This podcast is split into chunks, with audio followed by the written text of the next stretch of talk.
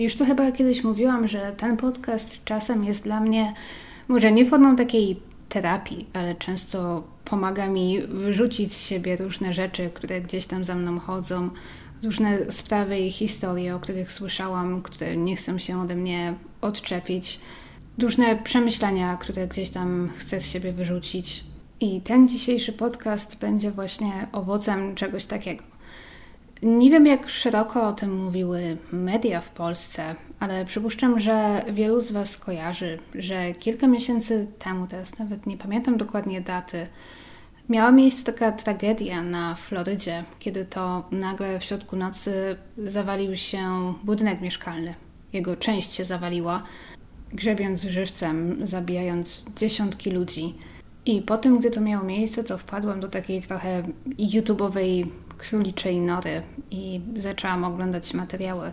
Na początku właśnie na temat e, tej jednej tragedii, na temat tego, jak do tego doszło, co to spowodowało. Zaczęłam oglądać różne symulacje komputerowe i później tak, wiecie jak to na YouTubie, z jednego filmu do drugiego proponowanego filmu zaczęłam oglądać materiały o najróżniejszych tragediach, o najróżniejszych budynkach, które się zawaliły, a nie powinny były.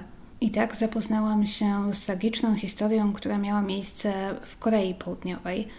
E, także uprzedzam od początku, jeżeli jeszcze się nie domyśliliście, dzisiejszy podcast nie będzie takim stricte kryminalnym, natomiast na końcu jednak zapadają tutaj wyroki. I o jakimś przestępstwie będziemy mówić, ale tutaj chciałabym się dziś bardziej właśnie skupić na tej jednej tragedii, na tym, co do niej doprowadziło i gdzieś tam wyrzucić ją z siebie, bo od kilku miesięcy już za mną chodzi i nie mogę przestać o niej myśleć. Zatem oczywiście witajcie w aneksie, złapcie sobie jakieś piciu i dziś zapraszam Was do takiego trochę specjalnego, innego odcinka. Dzisiejsza historia przenosi nas do stolicy Korei Południowej, Seulu. Seulu w latach 90. Bo Korea w tamtych czasach była krajem o rozrastającej się coraz szybciej gospodarce. W szczególności w okolicach Olimpiady, która miała miejsce w Seulu w roku 1988, miasto zaczęło się prężnie rozwijać. Tak prężnie, że firmy budowlane nie nadążały z realizacją powierzonych im projektów. To były czasy, kiedy społeczeństwo koreańskie zaczęło mieć coraz więcej pieniędzy, które mogli wydawać już nie tylko na podstawowe potrzeby, ale na towary luksusowe, rozrywkę, więc było zapotrzebowanie na centra handlowe, kina, dyskoteki, bary. Wszystko to działo się tak szybko, że po prostu firmy budowlane nie nadążały z tymi wszystkimi projektami, jakie do nich spływały. Ledwie kończyli jeden projekt już zaczynali kolejny. W takim duchu powstało m.in. centrum handlowe Sampung. Na początku miało być blokiem mieszkaniowym, ale ostatecznie zdecydowano się przerobić budynek na drogie centrum handlowe, bo wtedy przyniesie więcej pieniędzy.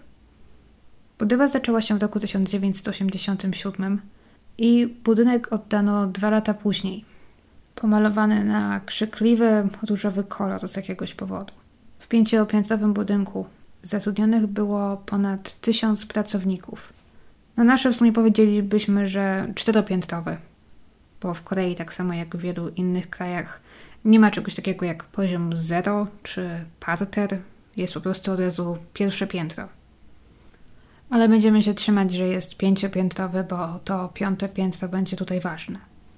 Niższe piętra zajmowały głównie drogie sklepy sprzedające wszystko – ubrania, biżuterię, meble, elektronikę, jednym słowem wszystko, no, co ja wam będę tłumaczyć. Wiecie pewnie, jak wygląda każda większa galeria handlowa. Na najwyższym piętrze znajdowało się osiem restauracji. I poza tymi poziomami, które widzimy na zdjęciach, tymi poziomami nad ziemią, budynek miał również cztery poziomy pod ziemią, z kolejnymi sklepami oraz z parkingami dla klientów. Szacowano, że każdego dnia przez galerię handlową przewijało się około 40 tysięcy ludzi średnio. Galeria Sampung była wtedy jedną z niewielu w Seulu, które sprzedawały produkty sprowadzane z zagranicy. w szczególności różnych drogich marek uznawanych za luksusowe, ekskluzywne.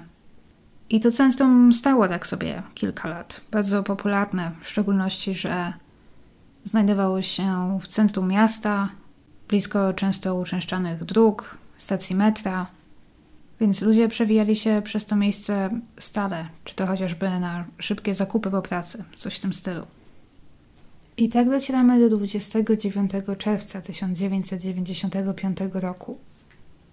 W tamtym momencie galeria handlowa stała i funkcjonowała dobrze od przeszło 6 lat, bez większych problemów. Rankiem tego dnia do pracy przyszedł zarządca budynku. Znalazł na swoim biurku informację od nocnego ochroniarza. W nocy z dachu budynku dochodziły dziwne dźwięki. Niedługo później pracownicy jednej z restauracji zgłosili, że w kuchni wokół jednej z kolumn pękła podłoga i że dziura zaczynała się powiększać. Podjęto decyzję o zamknięciu restauracji na resztę dnia. W tym samym czasie wielu pracowników i klientów zaczęło zgłaszać i zaczęło się uskarżać na dziwne drgania odczuwalne na wszystkich piętrach. Menedżer budynku zaczął przypuszczać, że to włączone klimatyzatory wywołują drgania i zdecydował się wyłączyć je na resztę dnia o 12.30 wczesnym popołudniem. A ponieważ był to gorący dzień, zaraz wszyscy zaczęli narzekać na nieznośne gorąco. W ciągu kilku godzin temperatura wewnątrz wzrosła do około 30 stopni. Około 16 tamtego dnia Menedżer budynku, który miał dzień pełen roboty, ponieważ zgłaszano mu wszystkie te problemy, usterki, zwołał takie prędkie zebranie. Spotkał się m.in. z właścicielem budynku, jak i całej firmy Samsung, Lee Junem, aby zalacjonować problem i aby ustalić, co robić z tym dalej. Na spotkaniu obecny był też inżynier, który pomógł zaprojektować budynek i który na jego prośbę tamtego dnia zrobił obchód i inspekcję budynku. Oczekiwano, że inżynier poradzi, co robić dalej. I tutaj są dwie wersje. Na przykład według filmu dokumentalnego Seconds from Disaster, jak i w ogóle większości źródeł. Inżynier poradził Lee Junowi, że galeria powinna zostać natychmiastowo zamknięta na dokładniejszą inspekcję, a klienci i obsługa ewakuowani. Lee nie zgodził się z nim. Oburzył się wręcz na tę propozycję. To było tłumne popołudnie. Czas, kiedy ludzie wychodzili z pracy i przychodzili do galerii na zakupy. Nie chciał tracić zarobków z takiego dobrego dnia. W dobry dzień utarg ze sprzedaży we wszystkich sklepach w Sanpung mógł dochodzić nawet do jednego miliona dolarów amerykańskich. Lee Jun nie chciał tracić tych pieniędzy, nie chciał tracić zarobku. Oburzył się na propozycję i wbrew tym wszystkim radom, zaleceniom, zadecydował, że centrum handlowe pozostanie otwarte planowo do godzin zamknięcia. To jest najczęściej powtarzana wersja. Ale znalazłam też jeszcze jedną, trochę inną, według innego filmu dokumentalnego – ten nazywa się Blueprints for Disaster. Oba są na YouTubie swoją drogą. Zostawię linki w opisie pod filmem dla zainteresowanych. Tam wszystko jest przedstawione w trochę inny sposób. Inżynier, który przeprowadził tamtego dnia inspekcję, zasugerował, że galeria istotnie może zostać otwarta do końca dnia. A po zamknięciu będzie można wszystkiemu przyjrzeć się jeszcze raz uważniej i przeprowadzić konieczne naprawy. A jak później wyjaśnił, celowo zbagatelizował zaobserwowane wcześniej problemy, bojąc się gniewu szefa. Nie wiem, która wersja jest w końcu prawdziwa. Obie wersje wydają się prawdopodobne. Wiem, że takie sytuacje, w której właśnie podwładni boją się jakiegoś autorytetu, szefa, kogoś, kto jest nad nimi, nie czują się komfortowo i bezpiecznie wyrażając swoją opinię na dany temat, zgłaszając jakieś problemy, ponieważ właśnie obawiają się gniewu, tego, że stracą pracę. Wiem, że takie sytuacje są niestety dosyć częste i to nie tylko w Korei. Przypomina mi to trochę o kilku katastrofach lotniczych, kiedy to na przykład pierwszy oficer zauważył, że coś jest nie tak na pokładzie samolotu, że coś się nie zgadza, coś jest zepsute, coś nie jest tak jak powinno, ale bał się zgłosić ten problem kapitanowi, czyli temu, który oczywiście, który jest oczywiście osobą decyzyjną i który ma mieć wszystko pod kontrolą. Bał się coś powiedzieć, ponieważ kapitan był nieprzystępny, apodyktyczny, zawsze wszystko miało być tak, jak on tego chciał. I na przykład od początku zaznaczył, że nie ma zamiaru w ogóle brać pod uwagę uwag czy opinii kogoś mniej doświadczonego od niego. I takie sytuacje często w kombinacji z innymi czynnikami doprowadzały właśnie w przeszłości do katastrof. Ale to tak na marginesie. Co w końcu było prawdą, nie jestem pewna.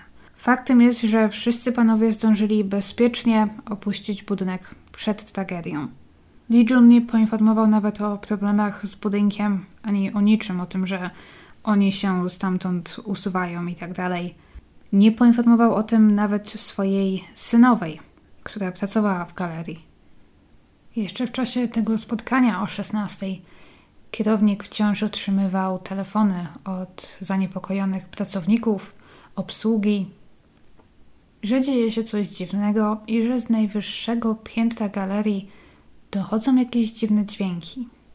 W tamtym momencie całe piąte piętro było już zamknięte. Z jakiegoś powodu chyba kierownictwo zdało się zakładać, że jest to problem ograniczony jedynie do piątego piętra, że wszyscy na poniższych poziomach są bezpieczni. Po zakończonym spotkaniu, gdzieś koło 17, jak przypuszczam, wszyscy panowie opuścili budynek. A 40 minut później, około 17.40, w całym budynku dał się słyszeć głośny huk, który zdawał się dochodzić znów z ostatniego piętra. Kilka minut później kolejny głośny huk. O 17.52 budynek zaczął się trząść. Włączyły się wszędzie alarmy, ale dla wielu ludzi było już zbyt późno, aby się ewakuować. W ciągu zaledwie kilku chwil, tutaj znów ma to być od 20 sekund do kilku minut, całe południowe skrzydło budynku runęło, zabierając ze sobą prawie 2000 osób. Samo zawalenie się nie zostało uchwycone na żadnym nagraniu, ale są nagrania zaraz po. Jest też kilka symulacji internetowych, jak to zawalenie miało wyglądać, tak swoją drogą. Jeżeli obejrzycie te dokumenty, to je zobaczycie. Ale są nagrania zaraz po, jak pierwsi ratownicy i przypadkowi przechodnie rzucają się na pomoc rannym. Panuje oczywiście chaos i dezorientacja. Wokół chodzą ludzie pokryci kurzem, pyłem. Niektórzy ranni, inni tylko zdezorientowani. Kto może odciąga na bok rannych. Gdy pył i kurz zaczął trochę opadać, stało się jasne, że nagle pięć czy też cztery piętra, jak chcemy to nazywać, budynku przestały istnieć. W ciągu kolejnych godzin zaczęła się akcja ratunkowa, wciąż dosyć chaotyczna, ponieważ nikt nie był przygotowany na to, co się stało. Ale w ciągu kolejnych godzin zaczęto spod ruin wyciągać ludzi, zarówno żywych, jak i martwych. Wielu uratowanych w pierwszych godzinach i pierwszych dniach to byli ludzie, którzy znajdowali się na najwyższych piętrach budynku i jakimś cudem zdołali przeżyć. Wątpiono, że ludzie z najniższych pięter, przywaleni tonami betonu i stali, mieli tyle szczęścia. Jak widać na zdjęciach, całe jedno skrzydło budynku zawaliło się, ale jedna jego ściana, ta najbardziej wysunięta na południe, taki niewielki fragment, wciąż jakimś cudem stał. Setki ludzi pracowały nad usuwaniem gruzów i ratowaniem ocalałych. Sprowadzono ciężkie maszyny, dźwigi i tak ale tych zdecydowano się nie wprowadzać prosto na ruiny. Z obaw, że przygniotą wciąż żywych ludzi uwięzionych pod spodem. Więc używano głównie siły rąk ludzkich, Również na ulicy przed galerią zaparkowano, umieszczono kilka dźwigów, które pomagały unosić co to cięższe fragmenty betonu itd. Tak Bardzo ważne stało się wyciągnięcie wciąż żywych ludzi stamtąd jak najprędzej. Przede wszystkim zlokalizowanie ich w pierwszej kolejności. W tym celu sprowadzono psy tropiące, a firmy telekomunikacyjne wysyłały nawet sygnały na telefony komórkowe. Ludzi uznawanych za zaginionych, w nadziei, że te wciąż działają i że pomogą zlokalizować uwięzionych. Nad ranem, po około 12 godzinach od zawalenia, udało się wyciągnąć ponad 200 żywych osób. Na tamtą chwilę znaleziono 44 zmarłych. Jak się pewnie domyślacie, w następnych dniach ta liczba miała wzrosnąć. Niestety w którymś momencie zdecydowano się przerwać akcję ratowniczą. W obawach, że ten fragment wysoki na pięć pięter, ta jedna ściana, która jakimś cudem się uchowana, runie, dodatkowo zabijając ratowników, ponieważ wyglądała dosyć niestabilnie i była popękana.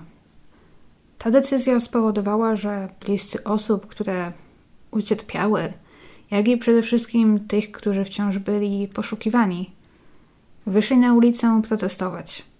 Protesty przerodziły się wręcz w zamieszki. Sytuacja była napięta, no, nie można się dziwić. Z powodu tych nacisków udało się w ciągu nocy jakoś zabezpieczyć ten wciąż stojący fragment. I z samego rana operacja ratunkowa została wznowiona.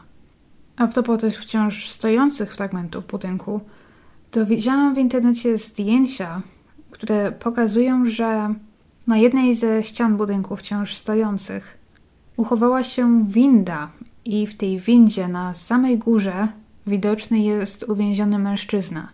Nie znalazłam żadnej informacji, co z tym mężczyzną się stało, ale przypuszczam, że został stamtąd bezpiecznie ściągnięty.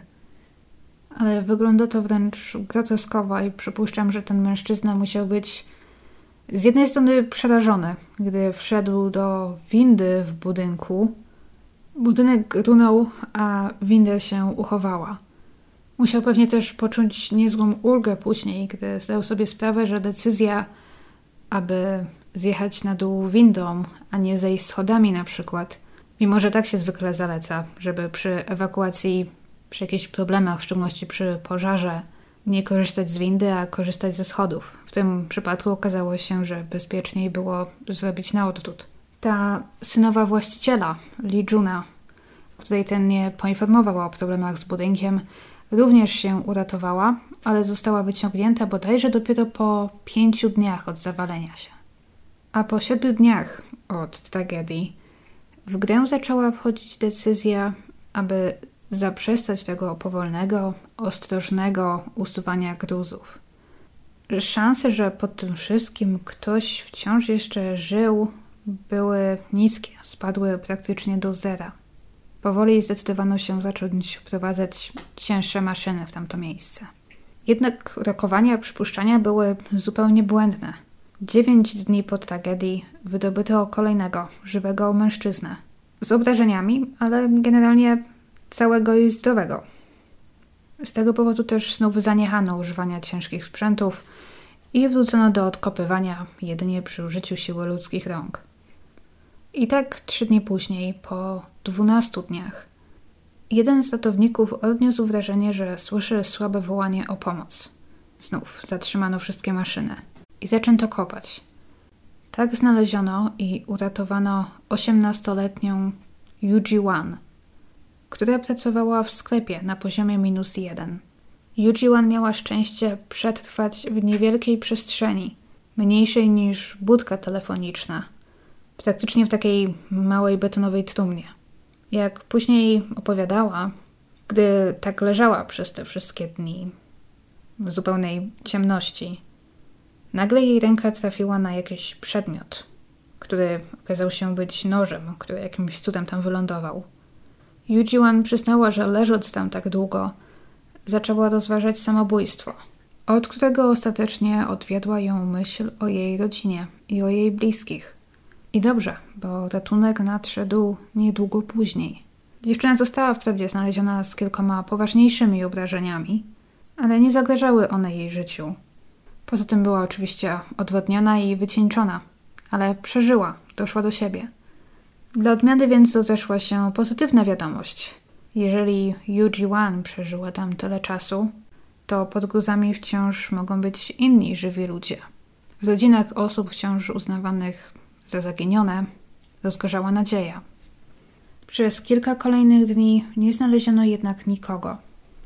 Aż tu, po 17 dniach od zawalenia się centrum handlowego, robotnicy i ratownicy nagle znowu słyszą walenie i wołanie. Zatrzymują wszystkie maszyny i znów zaczynają szukać.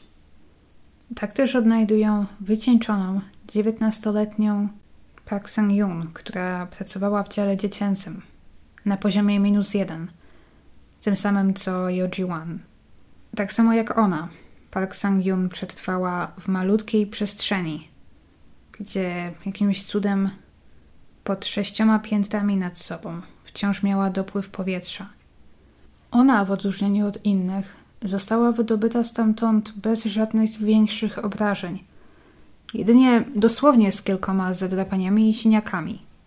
Jednak w czasie zawalenia się budynku jej ubranie zostało z niej zupełnie zdarte. Po ubraniu nie było śladu, ale ona sama nie ucierpiała w żaden poważniejszy sposób jakimś cudem. Została zabrana do szpitala oczywiście, gdzie wymagała dłuższego leczenia. Na początku, ponieważ leżała w całkowitych ciemnościach przez tak dużo czasu, musiała mieć zasłonięte oczy i dopiero powoli przyzwyczaić się do światła. Poza tym, jak można się domyślać, była wycieńczona, głodna, odwodniona, straciła dużo na wadze. I właśnie, pewnie zastanawia Was, jak to się stało, że ci ludzie przetrwali tam tak długo 5, 9, 12, 17 dni. Przecież człowiek zwykle mówi się nie może przeżyć bez wody dłużej niż około 3 dni. Okazuje się, że przez te szczeliny, przez które do środka dostawało się powietrze, w tych miejscach, gdzie ludzie byli uwięzieni, dostawała się, spływała też woda, deszczówka oraz woda, której używali strażacy do gaszenia kilku pożarów, które wybuchły zaraz po zawaleniu.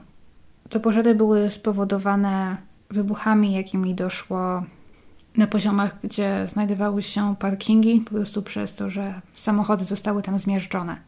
Później podobno też polewano to miejsce wodą właśnie celowo, aby zapewnić uwięzionym tam ludziom wodę, bo wiedziano, że to tego najbardziej potrzebują do przeżycia. Park San-yoon właśnie zeznała, że znalazła koło siebie jakąś szmatkę w którymś momencie, czy może jakiś kawałek ubrania, który nasączyła w spływającej wodzie i tą później, mimo że brudna i odpychająca, wyciskała sobie do ust. Na tym zdołała przetrwać 17 dni. Chociaż, jak później powiedziała, ona sądziła, że była tam uwięziona przez maksymalnie 4, może 5. Wielu sądzi, że to właśnie to, wiara, że upłynęło tak mało czasu, uratowała jej życie. Więc dla niektórych ta woda, którą polewano ruiny, okazała się być zbawieniem, tym, co pomogło im przeżyć. Dla innych jednak niestety była wyrokiem śmierci. Niektórzy ludzie byli uwięzieni w takich zakamarkach, z których woda nie miała jak odpływać, przez co utonęli w niej. I historie tych ludzi, którzy przetrwali, w szczególności historia Park Sang-yoon, jest przerażająca. Dziewczyna opowiedziała potem, że na początku przypuszczała, że doszło tylko do jakiegoś wypadku na jej piętrze i że zaraz ktoś ją stamtąd wyciągnie. Ale gdy czas mijał, gdy nic się nie działo, przypomniała sobie o plotkach, pogłoskach, jakie słyszała tamtego dnia w pracy, że piąte piętro miało jakieś problemy i zostało zamknięte. Pamiętała, że wtedy ucieszyła się na tę nowinę, ponieważ pomyślała, że skoro są jakieś problemy w budynku, to może cała galeria zostanie zamknięta wcześniej i dzięki temu będzie jej dane pójść wcześniej do domu. Dotarło do niej, że musiał runąć cały budynek, że cały budynek praktycznie znajduje się ponad nią. Dodatkowo, jak zauważyła, powoli ta przestrzeń, w której leżała, zmniejszała się – nie uważam się za osobę jakoś szczególnie klaustrofobiczną, ale ta jej historia mnie przeraża. Poza tym też, tak samo jak wielu innych ludzi, których wydobyto, Park San-yoon słyszała płacze i krzyki innych po pomoc. Z upływem czasu jednak krzyków i nawoływań, płaczy było coraz mniej, aż w końcu wszystko ucichło. Niestety nie wszystkim było dane dożyć, doczekać momentu, kiedy ratownicy, wolontariusze i strażacy do nich dotrą. Trzeba też zauważyć, że niestety nie wszyscy, którzy brali udział w akcji ratowniczej, w szczególności w pierwszych chwilach po zawaleniu, chcieli dobrze. Później oczywiście tą akcją zajęli się profesjonaliści, ale na początku no, pomagał kto mógł, kto akurat był na miejscu. Niestety znaleźli się pośród nich i tacy, którzy tak przy okazji właśnie kopania w ruinach za ludźmi, albo którzy pod pozorem kopania w ruinach za ludźmi, kopali też za różnymi skarbami. To w końcu było miejsce z masą drogich sklepów. Asortyment tych sklepów leżał teraz w ruinach, więc wszystko. Biżuteria, ciuchy, torebki, sprzęt to wszystko niestety przyciągało złodziei. Pyra w Korei, którą pewnie kojarzycie, wielu z Was kojarzy, możecie ją łatwo znaleźć na YouTube, również zrobiła materiał właśnie na temat tej sprawy i ona tam pokazała takie słynne w Korei zdjęcie uchwycone właśnie na miejscu zdarzenia, przedstawiające kobietę, która z uśmiechem na ustach coś przegrzebuje, jakieś torby, jakieś rzeczy. Zdjęcie to właśnie miało być wykonane na miejscu tragedii i ta kobieta właśnie miała grzebać za jakimiś skarbami. Nie wiem, jaka jest dokładnie historia tego zdjęcia. Czy to był na pewno uśmiech, czy to może był jakiś inny grymas? Ciężko powiedzieć. Niestety nie znalazłam zbyt wielu źródeł, które by jakoś szeroko i dużo o tym mówiły. Ale tak, to zdjęcie istnieje i jest dosyć upiorne. Ale odchodząc od tej części, przejdźmy teraz do czegoś nam trochę lepiej znanego w tym podcaście, czyli do śledztwa i do powodów, dla których ten stosunkowo nowy budynek runął zupełnie, czy też jego część runęła zupełnie, po prostu znikając z powierzchni Ziemi. Jak się pewnie domyślacie, w czasie tego początkowego chaosu, dezinformacji, nie było jasne, co mogło się stać. Były takie hipotezy jak atak terrorystyczny, wybuch gazu, ale te zostały prędko wykluczone. Zwłaszcza po tym, gdy zaczęły pojawiać się informacje od świadków, od osób, które przeżyły tragedię albo które zdążyły opuścić centrum na czas. Informacje o tym, że przed zawaleniem się budynek drżał, widoczne były pęknięcia, w szczególności wokół kolumn, które utrzymywały całą strukturę. Zaczęto podejrzewać, że za zawaleniem budynku musiała stać jakaś wada. Teraz pozostawało pytanie, jaka? Pojawiły się głosy, że z tym wszystkim coś wspólnego mogły mieć fundamenty. Ciężko to sobie teraz wyobrazić, bo to miejsce to jest obecnie miasto z wieżowcami, wyglądające w ogóle zupełnie nowocześnie, ale kilka dekad wcześniej to nie był aż tak typowo miejski krajobraz. Bo zanim centrum handlowe tam powstało, wcześniej było tam wysypisko na śmieci. Więc może to w tym leżał problem, podejrzewano. Budynek postawiono na kupie niestabilnych śmieci i ten runął. Ale okazało się, że wcale tak nie było. Okazało się, że fundamenty przetrwały zawalenie się budynku i stały nienaruszone, więc to nie w tym był problem. Katastrofa Galerii Sampung to nie był też jedyny taki incydent w tamtym czasie. Efekty zbyt szybkiego i niekontrolowanego rozwoju gospodarczego w Korei Południowej zbierały swoje żniwo cały czas. Niecały rok wcześniej w Seulu oderwał się i wpadł do wody fragment mostu Songsu. Poza tym w latach 90. i 80. miało miejsce jeszcze kilka innych właśnie podobnych, mniejszych, większych tragedii. Wiele z nich było spowodowanych różnymi wadami strukturalnymi budynku, również wybuchami gazu, nieprzestrzeganiem przepisów przeciwpożarowych albo w ogóle brakiem takich. Wszystko to zbierało swoje żniwo. I w Koreańczykach zaczęła narastać wściekłość, że ten ich szybki wzrost gospodarczy, bogacenie się społeczeństwa, bogacenie się firm i właścicieli tych firm, którzy budowali wszystko na tak zwane łapu-capu i na szybko, zbiera swoje żniwo. Były więc naciski na śledczych, aby ustalić, co się stało i jak najprędzej znaleźć winnych. Galeria handlowa Sampung została zbudowana z wielkiej płyty, coś co po angielsku nazywa się konstrukcją flat slab. Duże betonowe płyty są podtrzymywane przez betonowe kolumny. Jest to struktura typowa dla bloków mieszkalnych, parkingów wielopoziomowych, galerii handlowych. Przypuszczam, że większość z Was potrafi sobie wyobrazić, o co mi chodzi. Według raportu inspektora Park Teuna do zawalenia się budynku przyczynił się szereg czynników. Park Teun obliczył, że kolumny powinny w wypadku tego konkretnego budynku, te kolumny podtrzymujące betonowe płyty, powinny mieć około 80 cm średnicy.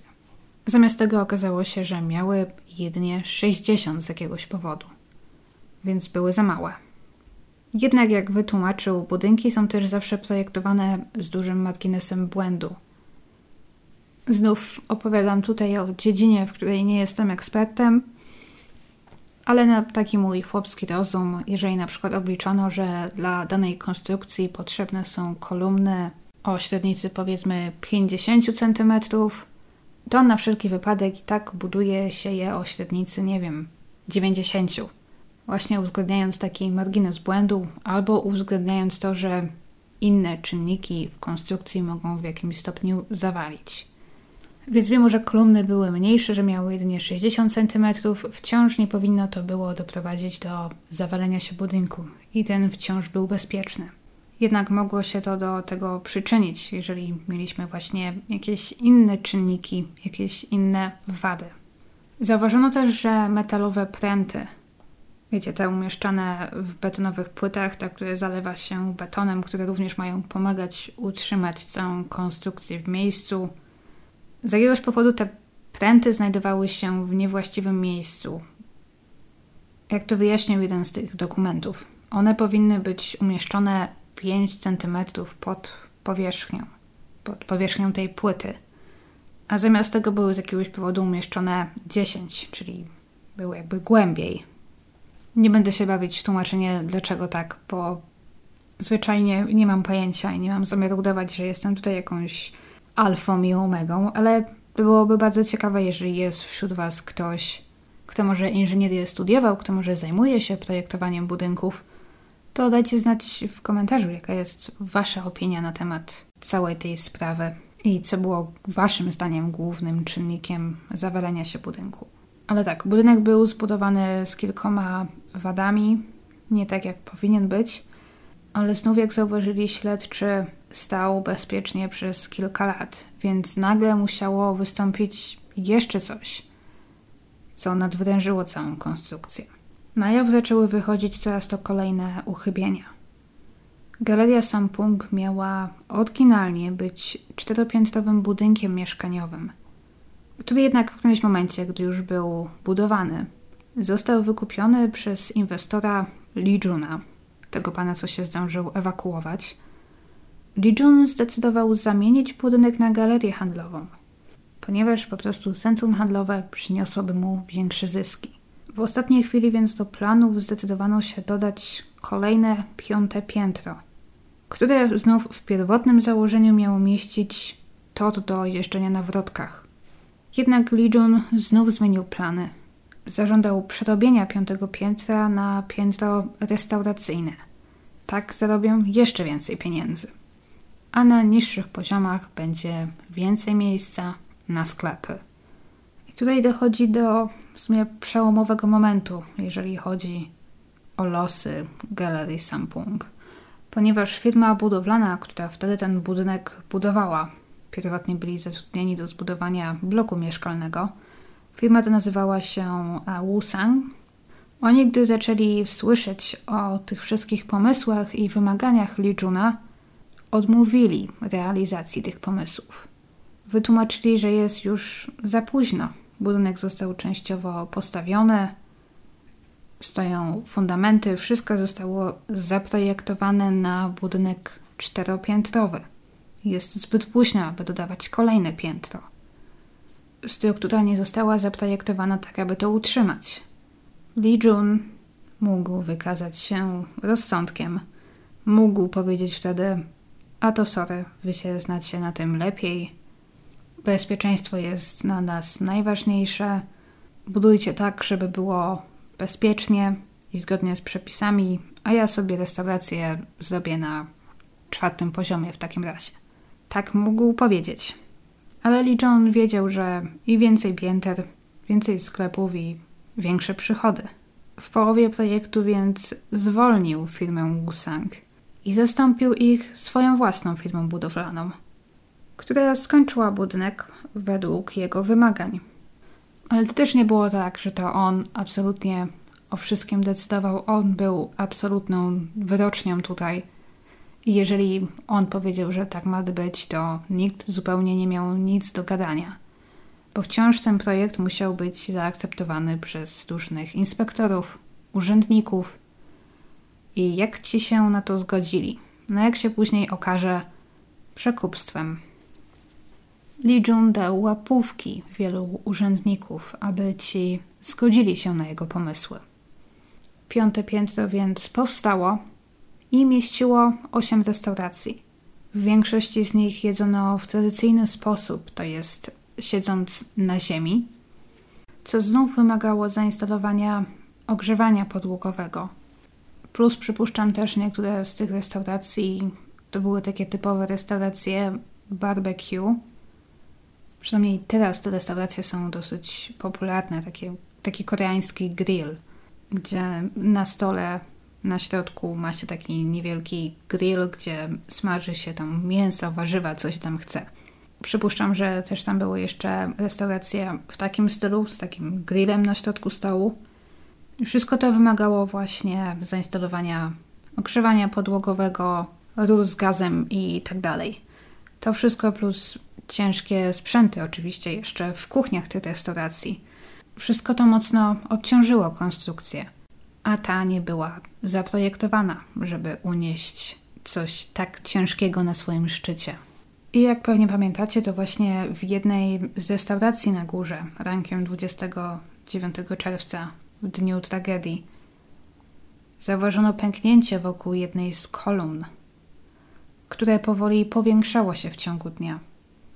Śledztwo wykazało jednak, jak wynika z zeznań pracowników, że podobne pęknięcia, tylko że mniejsze, były obserwowane w całym budynku już od kilku miesięcy, powodując nawet już wcześniej właśnie, że niektóre sklepy zostały przeniesione na niższe poziomy.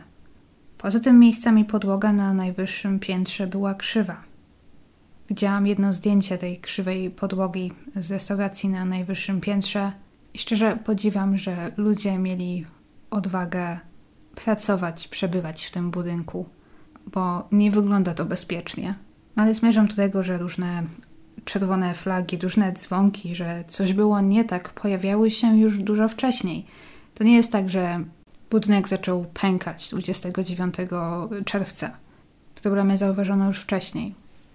Kolejną tragiczną w skutkach decyzją było coś, co miało miejsce dwa lata wcześniej, w roku 1993.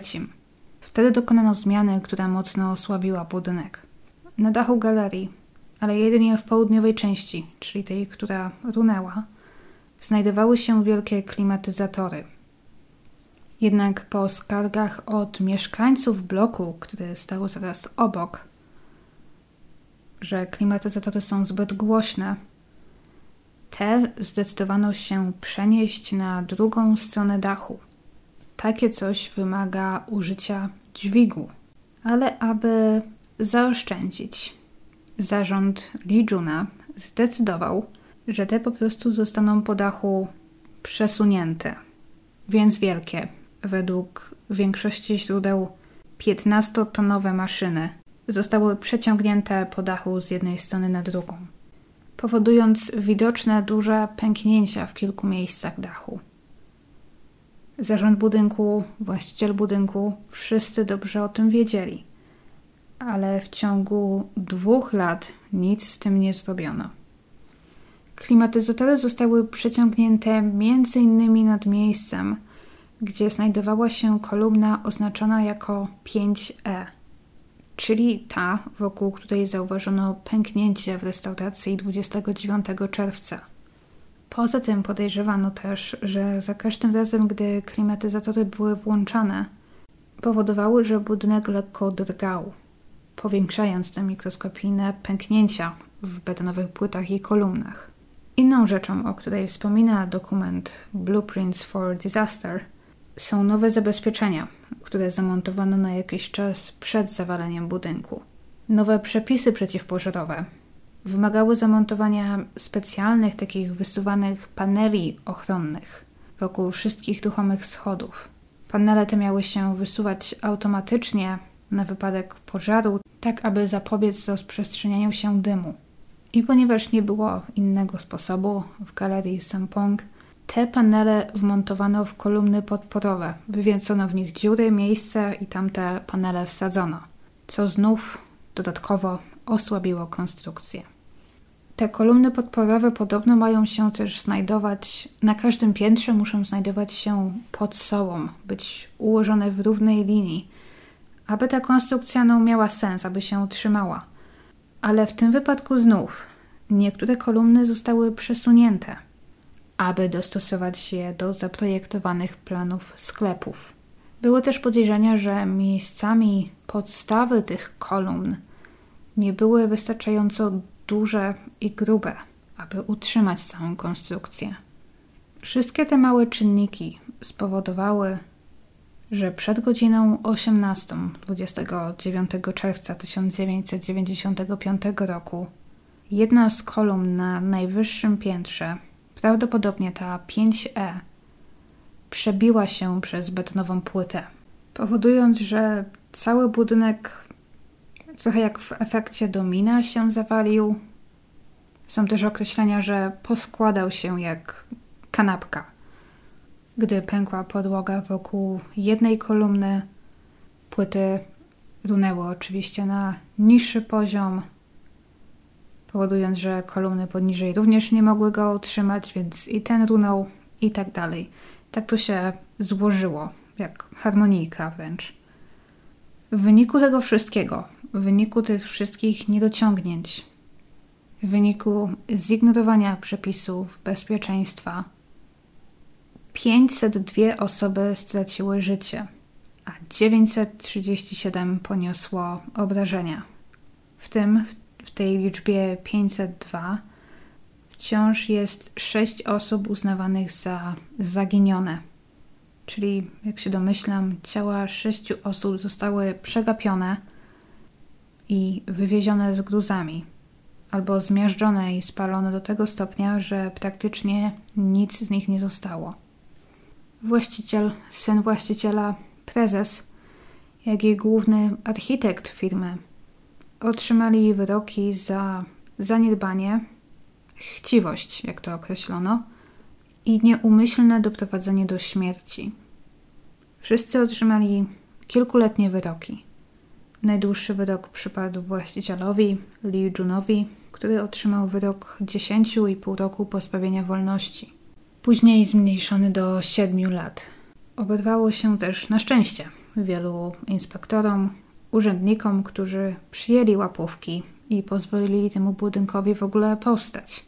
W którymś momencie pan Lee Jun, właściciel, wypowiedział w jakiejś rozmowie, chyba w wywiadzie z dziennikarzami, czy w, w czasie jakiejś konferencji prasowej, słowa, które mocno oburzyły opinię publiczną. I słusznie. Bo powiedział coś w stylu, że tak, ludzie stracili życie, rodziny straciły bliskich, ale on stracił inwestycje. Słuchajcie, pan Lee Jun jest tutaj największą ofiarą ale może potem nadeszła jakaś refleksja jednak.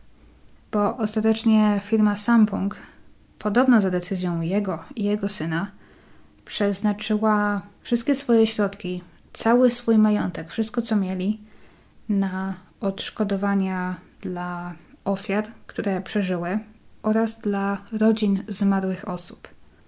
Nie wiem, czy to wypłynęło tak od nich, czy zdali sobie sprawę, ile złego uczynili i chcieli to tym ludziom w ten sposób zrekompensować, czy może gdzieś tam nie mieli wyjścia i zrobili to wyrokiem sądu. Niestety znów tutaj bariera językowa troszkę mi utrudniła dojście do tego. Nie wiem, czy to właśnie z powodu tego, że oni przekazali te wszystkie swoje pieniądze na odszkodowania, czy to jakoś wpłynęło na to, że te ich wyroki zdają się być śmiesznie małe. No bo w szczególności pan Lee Jun jest winny śmierci 502 osób. Z mojego punktu widzenia mógłby za to otrzymać wyrok, przez który nie wyszedłby z więzienia do końca życia.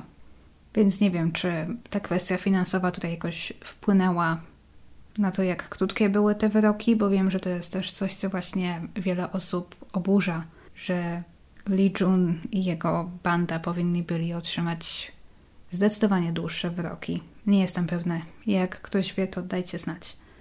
Przez kilka kolejnych lat miejsce, gdzie kiedyś znajdowała się galeria, stało puste. Na początku lat 2000 zbudowano tam osiedle eleganckich apartamentowców.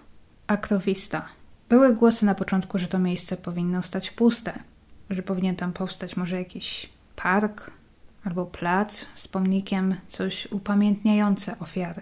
Ale lokalizacja była podobno zbyt dobra, aby pozostawiać ją pustą albo żeby marnować ją na park. Pomnik zbudowano jednak, ale w innym miejscu.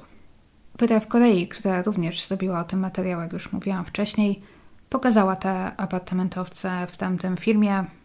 Pojechała tam, pokazała je. Można je też obejrzeć na Google Maps. Ona w tym materiale wspomniała o czymś, co mnie właśnie zastanawiało, gdy po raz pierwszy usłyszałam o tych apartamentowcach. Czy krążą jakieś historie o tym, że to miejsce jest teraz nawiedzone? I okazuje się, że podobno tak. W szczególności w piwnicy budynku mają być czasem słyszalne, niewyjaśnione krzyki i płacz. I w ogóle wokół galerii Sampong krąży kilka takich historii. O na przykład ludziach, którzy robili zakupy w galerii 29 czerwca i którzy na przykład mieli jakieś przeczucie, że stanie się coś złego, albo ktoś im powiedział, żeby tam nie szli tamtego dnia. Utkwiła mi w głowie historia kobiety, która twierdziła, że była tam tamtego popołudnia na zakupach. Chciała coś kupić w sklepie, ale gdy otworzyła portfel, odkryła, że zginęła jej karta kredytowa i zniknęły jej pieniądze, które była pewna wcześniej się tam znajdowały. Wyszła z galerii w ogóle z zamiarem zgłoszenia kradzieży na policję. Niedługo później galeria runęła, a gdy ona zajrzała ponownie do portfela, to nagle te pieniądze się tam znowu zmaterializowały. Była też historia dziewczyny, która miała pracować w jednym ze sklepów galerii i nakryła kogoś, kto ukradł coś ze sklepu. I ta osoba zaczęła uciekać. Wybiegła z galerii, wybiegła na ulicę, a ta pracownica za tą osobą zaczęła go gonić. Nie dogoniła go, ale sekundy potem galeria miała runąć. I ta kradzież uratowała jej życie. Nie wiem, czy to prawda. To raczej takie creepypasty krążące po internecie. Ale jest to historia tragiczna i szczerze wciąż nie potrafię wytłumaczyć, dlaczego akurat o niej chciałam zrobić podcast. Jest tak wiele tragedii, takich mniej kryminalnych. Mówię właśnie o takich katastrofach, w których giną ludzie, w którym coś się zawaliło, o zamachach, które mogłam wybrać, jeżeli chciałam dziś zrobić jakiś troszkę inny temat. Ale ta galeria Sampung jakoś tak się mnie uczepiła.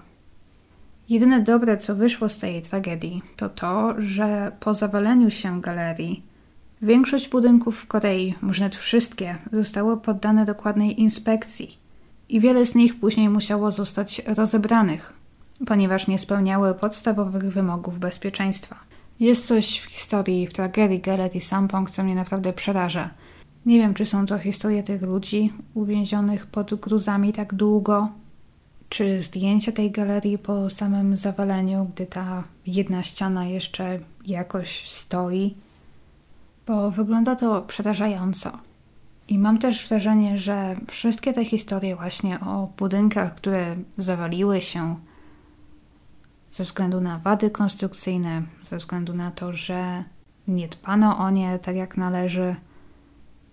Wszystko to gdzieś tam mam wrażenie dotyczy nas wszystkich, no bo co by nie było, wszyscy mieszkamy w jakimś budynku.